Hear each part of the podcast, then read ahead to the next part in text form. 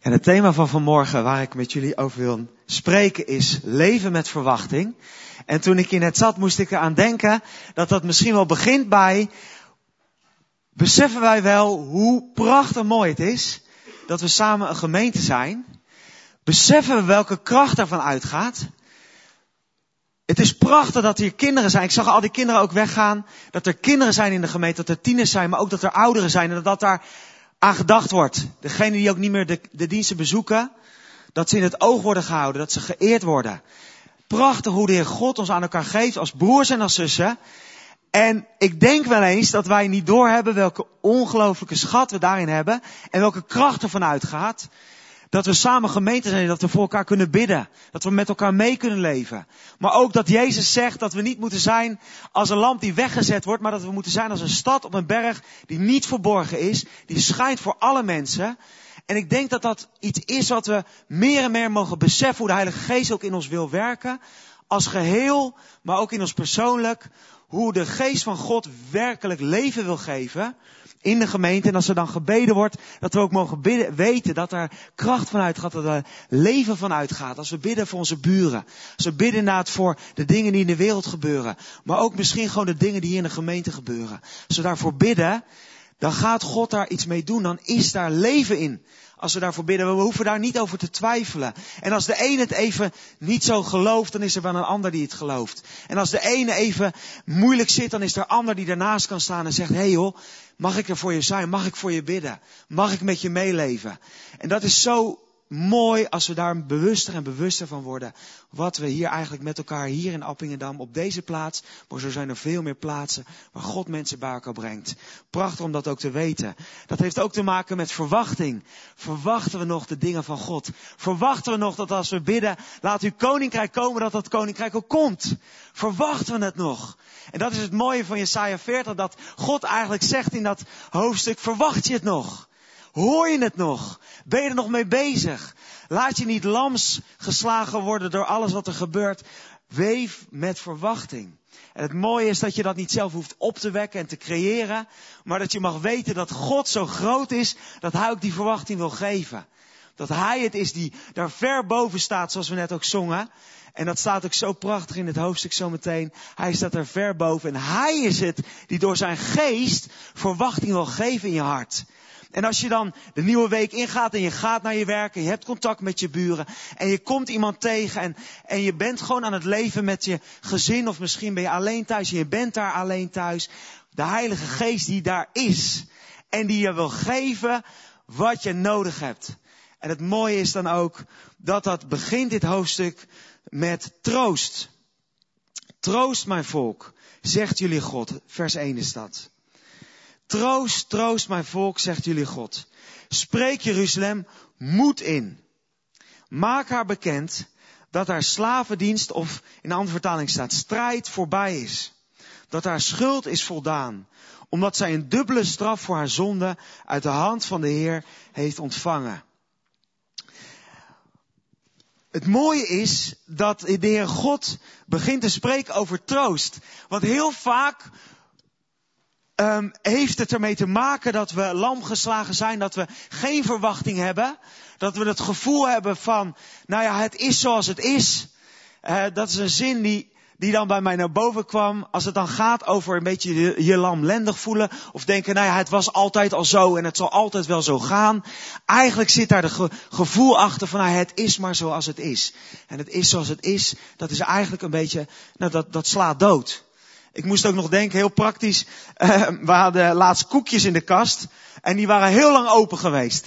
Nou, dan weet je allemaal wat er dan gebeurt met koekjes. In het Fries heet dat volgens mij slof. Ik weet niet wat je hier zegt. Ja, ook slof. Daar worden koekjes slof. Hè, dat, dat is niks meer.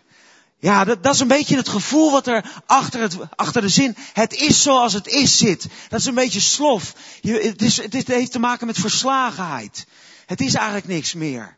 En het zal ook nooit meer wat worden. Een buurman eh, die wij in Almere uh, hadden wonen, die zei ook tegen ons, uh, zijn moeder had altijd gezegd, als je als een dubbeltje geboren wordt, dat is nog uit de tijd van de gulden, als je als een dubbeltje geboren wordt, dan zul je nooit een kwartje worden.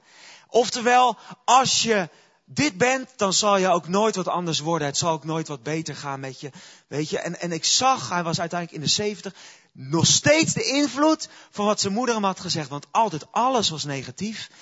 Terwijl er hele mooie dingen gebeurden eigenlijk in zijn leven, maar hij zag het niet. Het was altijd zoals het was en het zal nooit anders worden. En ik, dan uh, vocht ik daar wel eens met God ook mee van, Heer, hoe kan, uh, hoe kunnen we dat, hoe kan hij dat anders gaan zien? Maar ik merkte gewoon dat dat best wel lastig was. Gewoon om al die dingen die hij altijd gehoord had. En dan begint God met troosten. Troost, troost mijn volk. Want God weet dat er heel vaak dingen gebeurd zijn waardoor je daar bent gekomen. God weet waarom jij je lam geslagen voelt. God weet waarom je niet meer gelooft of waarom je niet meer kan vertrouwen.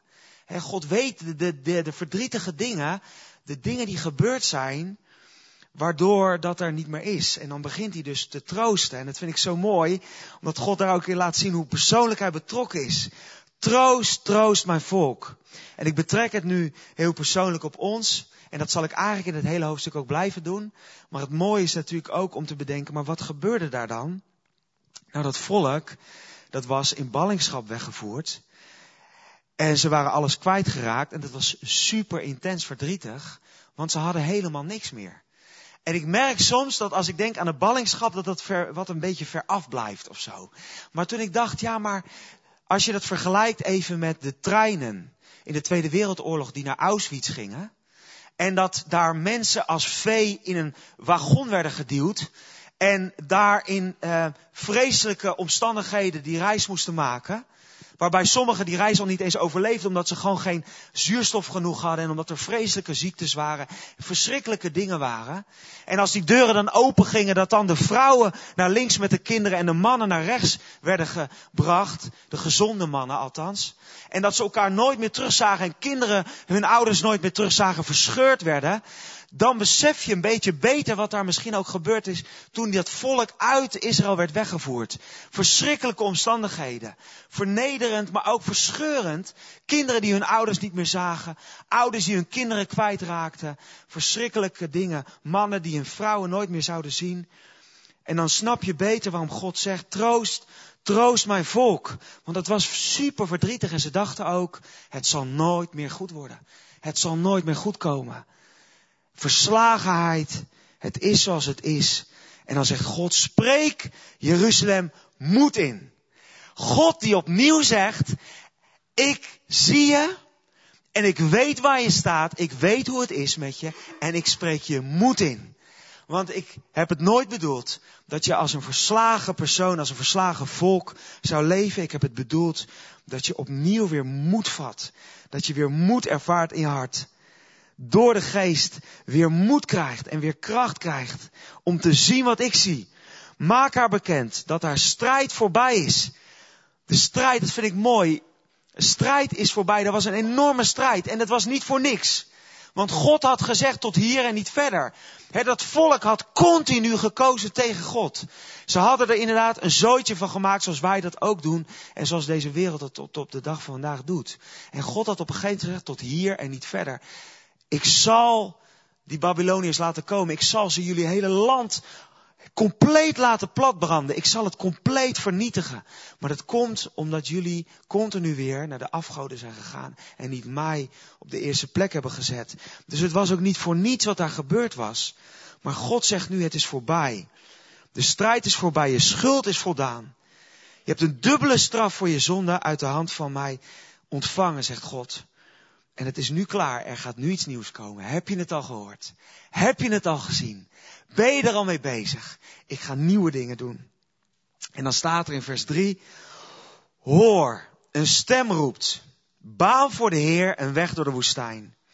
Effen in de wildernis een pad voor onze God. Laat elke vallei verhoogd worden en elke berg en heuvel verlaagd. Laat ruig land vlak worden en rotsige hellingen rustige dalen. De luister van de Heer zal zich openbaren voor het oog van al wat leeft. De Heer heeft gesproken. De Heer heeft gesproken. En als de Heer spreekt, dan doet hij het ook. Een stem die roept. Het wordt hier gesproken over een stem, over God die spreekt. Die stem die is belangrijk. En die stem die spreekt, moet in. En ik hoop ook vanmorgen dat door de woorden die we horen, die we lezen, dat dat als een stem is die ook tot ons hart spreekt. Wees sterk, wees moedig. Want de Heer, de God, is met je waar je ook gaat. Hoor een stem die roept. En dan staan er een aantal dingen, eigenlijk een aantal tegenstellingen. Er wordt gesproken over een woestijn. Er wordt gesproken over een wildernis. Er wordt gesproken over een vallei. Er wordt gesproken over een berg. Er wordt gesproken over ruigland. Er wordt gesproken over rotsige hellingen. En al die dingen staan eigenlijk voor Dingen die onoverkomelijk lijken. Dingen die in de weg staan. Dingen die je, waar je tegenop ziet als een berg letterlijk. Dingen die rotsachtig zijn waar je niet doorheen komt in je leven. Dingen die je tegenwerken. Dingen waar je je lam geslagen door voelt. Al die dingen staan voor de dingen van het leven die je soms zo ook in de weg kunnen zitten. En dan zegt God, ik ga daar dwars doorheen een weg maken. Baan een weg door de woestijn, zegt de Heer. En wat de Heer zegt, dat doet hij. Hij zal het doen. Breng de dingen die in je hart zijn bij God. Hij weet ervan. En hij begint te zeggen dat hij ervan weet en dat hij je daarin wil troosten. En dan begint hij vervolgens ook te, te zeggen, en ik ga je moed geven, ik ga moed spreken tot je hart. En ik ga iets doen wat je zelf niet kan doen, want jij bent niet in staat om een nieuwe weg te maken. Jij kan jezelf geen nieuwe hoop geven. Jij bent niet bij machten om jezelf eens even nieuwe kracht te geven. Dat is niet de bedoeling. Jij kan dat helemaal niet zelf.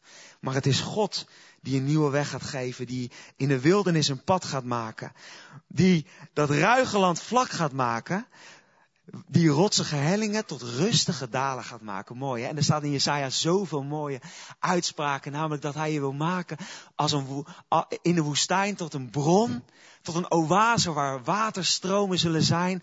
Dat alles, dat is het mooie in Jesaja. Telkens die tegenstellingen van iets wat eigenlijk helemaal niet kan, maar door God kunnen de dingen wel. God kan nieuwe dingen doen. Mijn zusje en haar man, en ik zal zeggen, elk voorbeeld is uniek. En je kan nooit copy-paste zeggen van zoals het bij hem of haar is gebeurd, zo zal het ook bij mij gaan. Zo werkt dat niet. En zo zie elkaar ook nooit als concurrenten. Zie nooit elkaar als, als, oh wat hij of zij heeft, dat wil ik ook en dat moet ik ook. Nee, het mooie is juist, je bent allemaal anders en God heeft een unieke weg voor een ieder. Maar ik vertel je het verhaal van mijn zusje en haar man, die 13 jaar geen kinderen konden krijgen. En eigenlijk vond ik het heel mooi. Wat zij deden was, ze bleven zeggen, Heer, we weten dat u dat wel kan. Maar tegelijkertijd, zo, u lijkt dat niet te doen. En we gaan onderzoeken of we dan misschien wel een kindje kunnen adopteren. En ze waren al een heel eind in dat adoptieproces. En toen liep dat stuk. En toen zaten ze wel van, oké, heer, wat, wat nu? En toen was er vanuit het ziekenhuis nog één nieuwe hormoonbehandeling. En ze hadden bepaalde grenzen gewoon voor zichzelf, wat ze wel wilden en wat ze niet wilden. En dit was eigenlijk nog best wel natuurlijk. Er werd namelijk twee eitjes klaargezet in plaats van één in haar uh, buik. Dus haar eigen eitjes. En het, er hoefde helemaal niks van buitenaf te gebeuren. En het mooie was uiteindelijk, was 10% kans dat ze een kindje zouden krijgen bij de eerste behandeling. En ze kregen gelijk een tweeling. En ze zijn net geboren en God heeft iets nieuws gedaan. Maar het mooie vind ik hierin. Let heel goed op, want hier zit iets heel gevoeligs en kostbaars in. Wat namelijk de valkuil is hierin, is dat je dus zegt, als je maar genoeg geloof hebt, als je het zelf maar presteert, als je zelf maar dit of dat, dan zal er, zie je wel dat voorbeeld, dan zullen er kinderen komen. Maar dat is dus niet het verhaal. Wat mijn zusje en haar man zeiden tegen de Heer God is, Heer, wij geloven dat u nieuwe dingen kan doen. Maar we zien het nu niet. En we gaan gewoon onderzoeken wat misschien andere mogelijkheden zijn. En in die rust en in dat vertrouwen zijn ze hun weg gegaan. En het heeft uiteindelijk 13 jaar geduurd. Het was ook niet van vandaag of morgen. En toen zijn daar kindjes gekomen. Maar misschien is dat helemaal niet de weg die God voor jou, voor mij heeft. Daarin mogen we heel voorzichtig zijn. Maar wat God wel wil doen in elke situatie, is nieuwe hoop en liefde en troost geven. Heb je het al gezien? Heb je het al gehoord? God is een God die een goede vader is. En hij is nabij. En hij kan in Ruigland een nieuwe weg maken. Luister maar. En het gaat uiteindelijk niet eens zozeer om jou en mij. Want hier staat dat het uiteindelijk gaat om de luister van de Heer die zich zal openbaren in vers 5. Ook daarin is er iets bijzonders. Wanneer wij bidden, wanneer wij uitzien naar nieuwe dingen, wanneer we weer met verwachting ook willen, willen leven, dan is het mooie dat het uiteindelijk niet om jou of mij gaat. Ten diepste gaat het dan om, Heer, dat u meer zichtbaar wordt in de gemeente. Heer, dat u meer zichtbaar wordt in mijn leven. Heer, dat u meer zichtbaar wordt. Dat het meer om u zal gaan dan om mij, wat Johannes de Doper ook zo mooi zei. Dat het meer om Jezus zou mogen gaan en steeds minder om Hem. Dat vind ik zo mooi. Dus wanneer we deze dingen bidden, wanneer we met verwachting bezig zijn, dan gaat het niet ten diepste om jou, om jouw geluk. Maar dan gaat het ten diepste om dat God meer en meer zichtbaar wordt. En het mooie is dat je daar heel gelukkig van wordt. En dat is het mooie, hè? het werkt alle twee kanten op. Wanneer God meer zichtbaar wordt in je leven, word je daar intens gelukkig van. Dan zeg je, Heer, ik hoef, ik hoef al die dingen van de wereld, hoef ik helemaal niet meer. Het boeit me niet meer, ik wil het niet meer, ik wil alleen maar U. U bent de belangrijkste voor mij. Ik hou van U. En dat blijven uitdagingen, want de wereld blijft wel trekken. De luister van de Heer zal geopenbaard worden. En dan is het mooie dat God ook heel duidelijk zegt, het gaat helemaal niet om jou. Want vanaf vers 6 staat er, hoor een stem die zegt roep. En een stem die antwoordt, wat zou ik roepen? De mens is als gras. Hij bloeit als een veldbloem. Het gras verdort en de bloem verwelkt wanneer de adem van de Heer daarover blaast. Ja, als gras is dit volk. Het gras verdort en de bloem verwelkt, maar het woord van onze God houdt altijd stand. Dus God die laat even heel duidelijk zien dat het dus niet om ons gaat, want wij zijn maar gras. En wij zijn maar een bloem. En als God er overheen blaast, dan zijn we weg. Wij stellen helemaal niks voor. Maar God die laat die dingen juist zien om te laten zien hoe groot Hij dan is en wat Hij kan doen. Want er staat er vervolgens, vanaf vers 12, wie heeft de wateren met holle hand omvat en de hemel gemeten met een ellemaat? Wie heeft het stof van de aarde met een maatlepel afgepast? Wie heeft de bergen gewogen op een weegschaal? De heuvels met balans en gewichten? Wie heeft de geest van de Heer gemeten? Heeft iemand hem ooit raad gegeven? Wie raadpleegt hij? Wie biedt hem inzicht? Wie leidt hem op de paden van het recht? Wie leidt hem naar de wijsheid? Wie toont hem de weg van het inzicht? In zijn ogen zijn de volken als een druppel in een emmer, als een stofje op een weegschaal. De eilanden weegt hij als zandkorrels. Dus God die laat zien, het gaat niet om jou of mij.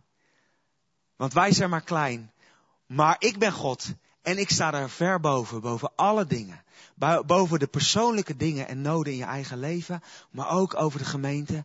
En ook over deze wereld. Wat er ook gebeurt. Laat je niet bang maken. Laat je geen angst aanjagen. Laat je hart niet verontrust zijn. Want al die dingen moeten gebeuren en ik sta er ver boven. Want wie heeft mij ooit iets gezegd? Ik ben God en ik ben machtig. En het mooie is ook dat uiteindelijk alle volken zijn maar als een druppel in een emmer en een stofje aan een weegschaal. De eilanden weegt die als zandkorrels. Verwacht het van God. Kijk naar boven. Kijk niet naar jezelf. ga het jezelf niet opleggen dat jij het moet presteren om het te verwachten, om het te geloven, om het te proclameren. Ga niet bij jezelf opwekken, maar ga het bij God brengen en dan gaat Hij het doen in je leven. Um, hier staat vanaf vers 21, weet je het niet? Heb je het niet gehoord? Is het je niet van meet of aan verteld? Is het niet al helder sinds de grondvesting van de wereld? Hij troont boven de schijf van de aarde. Haar bewoners zijn als sprinkhanen. Hij spreidt de hemel uit als een doek, spant hem uit als een tent om in te wonen. Hij maakt vorsten nietig en de leiders van de aarde onbeduidend. Dus God die vorsten nietig maakt.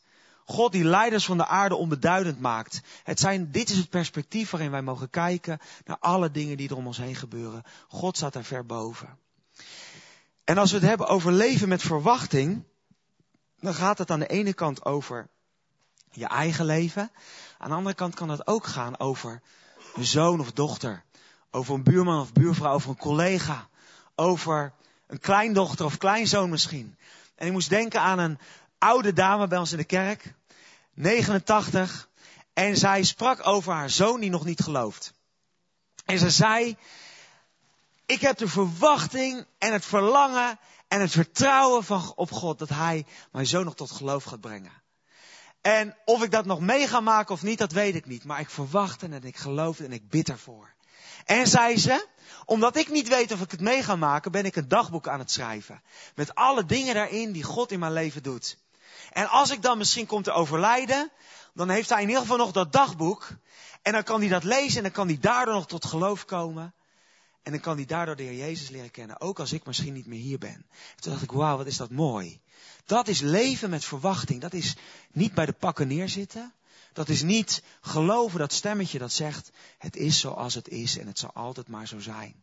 Dat is niet waar. Dat zijn de stemmen die we bij God mogen brengen en zeggen, Heer, ik geef het aan u. In deze situatie waar ik concreet in zit. U weet dat ik dit gedacht heb, maar ik geef het aan u. En misschien is dit wel iets heel moois dat je misschien al richting de 80, 90 gaat en dat je misschien wel een dagboek mag gaan schrijven voor diegenen die na jou komen, zodat ze toch nog de Heer zullen leren kennen. Want er zullen nog veel meer dingen gaan gebeuren in deze wereld. De druk zal alleen maar hoger worden, dus het zoeken zal misschien ook nog wel groter worden. En als er dan dagboeken zijn waarin gelezen kan worden hoe grootouders het met de Heer geleefd hebben, hoe mooi is dat dat daardoor misschien nog getuigenis uit zal gaan.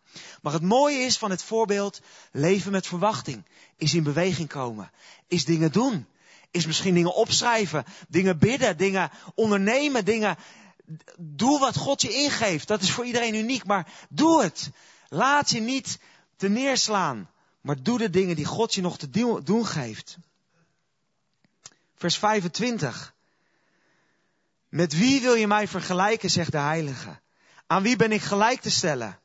Kijk omhoog. Wie heeft dit alles geschapen? Hij laat het leger sterren voltallig uitrukken.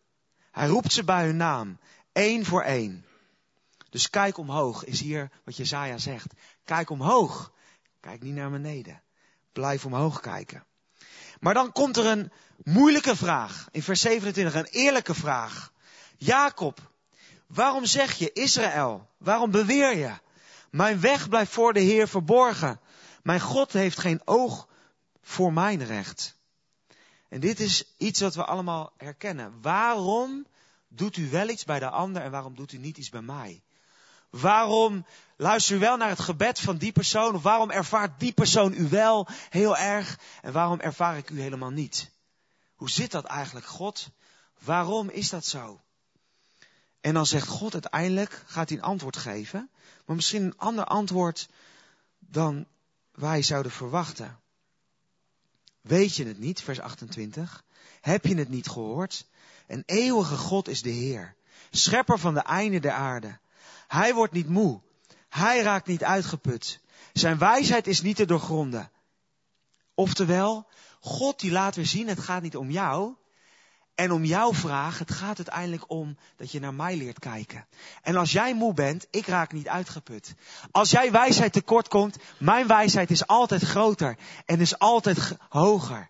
Vertrouw maar op mij, breng het maar bij mij. Zeg, stel de moeilijke vragen maar en je zal uiteindelijk mij beter leren kennen, juist door de vragen die je stelt. En daarin zit het geheim. Als je mij gaat kennen, dan ga je ontdekken hoe prachtig mooi ik ben. En dan ga je daar hoop uitputten. Want hij gaat verder. Hij geeft de vermoeide kracht. De machteloze geeft hij macht in overvloed. Jonge strijders worden moe en raken uitgeput. Zelfs sterke helden struikelen, maar wie hoopt op de Heer, krijgt nieuwe kracht. Slaat zijn vleugels uit als een adelaar. Hij loopt, maar wordt niet moe. Hij rent, maar raakt niet uitgeput. En dit is uiteindelijk de belofte die God doet. Wanneer je omhoog kijkt en niet, niet naar een ander kijken. Niet vergelijken. Nee, omhoog kijken. Zien wie God is. Want God is dezelfde God ook voor jou. Dan zegt God, ik ga je een belofte doen. Je zal rennen, maar niet moe worden. Je zal wandelen, maar je zal de kracht ervoor krijgen. Je zal als op arendsvleugelen zal je kunnen vliegen op de wind. Het is prachtig wat God wil doen, ook in jouw leven. Laat het je niet ontnemen, laat het je niet roven. De verwachting dat het niet voor jou is. Het is ook voor jou. God is dezelfde God en Vader. Voor al zijn kinderen gelijk. Hij is jouw God. Hij houdt van jou. En hij wil jou laten leven met verwachting. Ja? En ik eh, wil eigenlijk afsluiten met twee vragen. Die op het scherm komen. Namelijk, wanneer was het de laatste keer dat jij dacht, het is zoals het is. En waarom dacht je dat eigenlijk? En waarin wil jij persoonlijk iets nieuws van God verwachten? Spreek dat concreet uit naar elkaar en bid hier samen voor. En eigenlijk wil ik daar gewoon even een moment voor geven. Om even gewoon het gesprek met elkaar te hebben. En dat bidden, daar komen we misschien niet aan toe. Maar dat wil ik dan zo meteen hier vanaf het podium ook graag doen.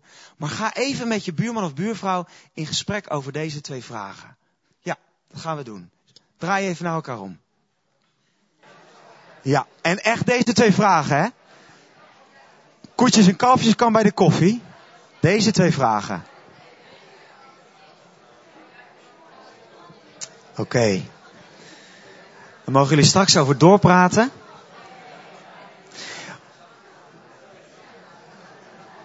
Ik wil graag afsluiten met gebed. En wat ik begreep is dat. Ja, oké. Wat ik begreep is dat er ook een gebedsteam is. Dus als je zoiets hebt van, hé, hey, ik merk inderdaad dat, dat uh, die gedachte, het is zoals het is, toch wel heel erg binnen is gekomen en mij op een bepaalde manier gewoon klem zet. Ga naar dat gebedsteam en laat bid er samen voor. Gooi het open. Maar ook als je zegt, ik heb, ik heb verlangen naar iets nieuws van God. Ik verwacht iets. Ik, ik, ik, dat is iets wat ik al langer voor bid en ik wil er graag ook samen voor, met anderen voor bidden. Maak dan ook gebruik van het gebedsteam. Heer, ik wil u danken.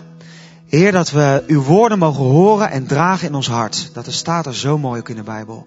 Dat het ons niet koud mag laten, Heer. Dat het ons iets mag doen. Heer, uw woord is als een tweesnijdend zwaard en het komt daar waar ziel en geest, merg en been elkaar raken. Heer, het komt diep binnen. En ik bid zo, Heer, dat u met uw woord diep binnenkomt en bezig blijft, Heer.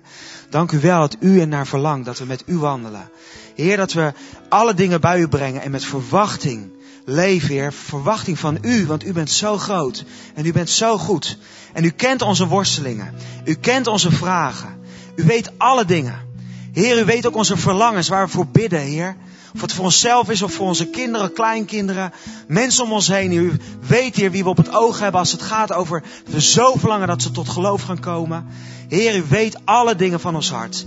Dank u wel dat we tot, tot u mogen komen. Dat u wil zeggen, ik ben erbij. En ik zal het doen. Ik heb gesproken en ik wil het ook. Ik wil nieuwe dingen doen. Heer, dank u wel dat u betrokken bent bij ons leven. Dat we zo elkaar aan u op mogen dragen. Heer, we zien uit naar wat u verder gaat doen, Heer. We houden van u in Jezus' naam. Amen.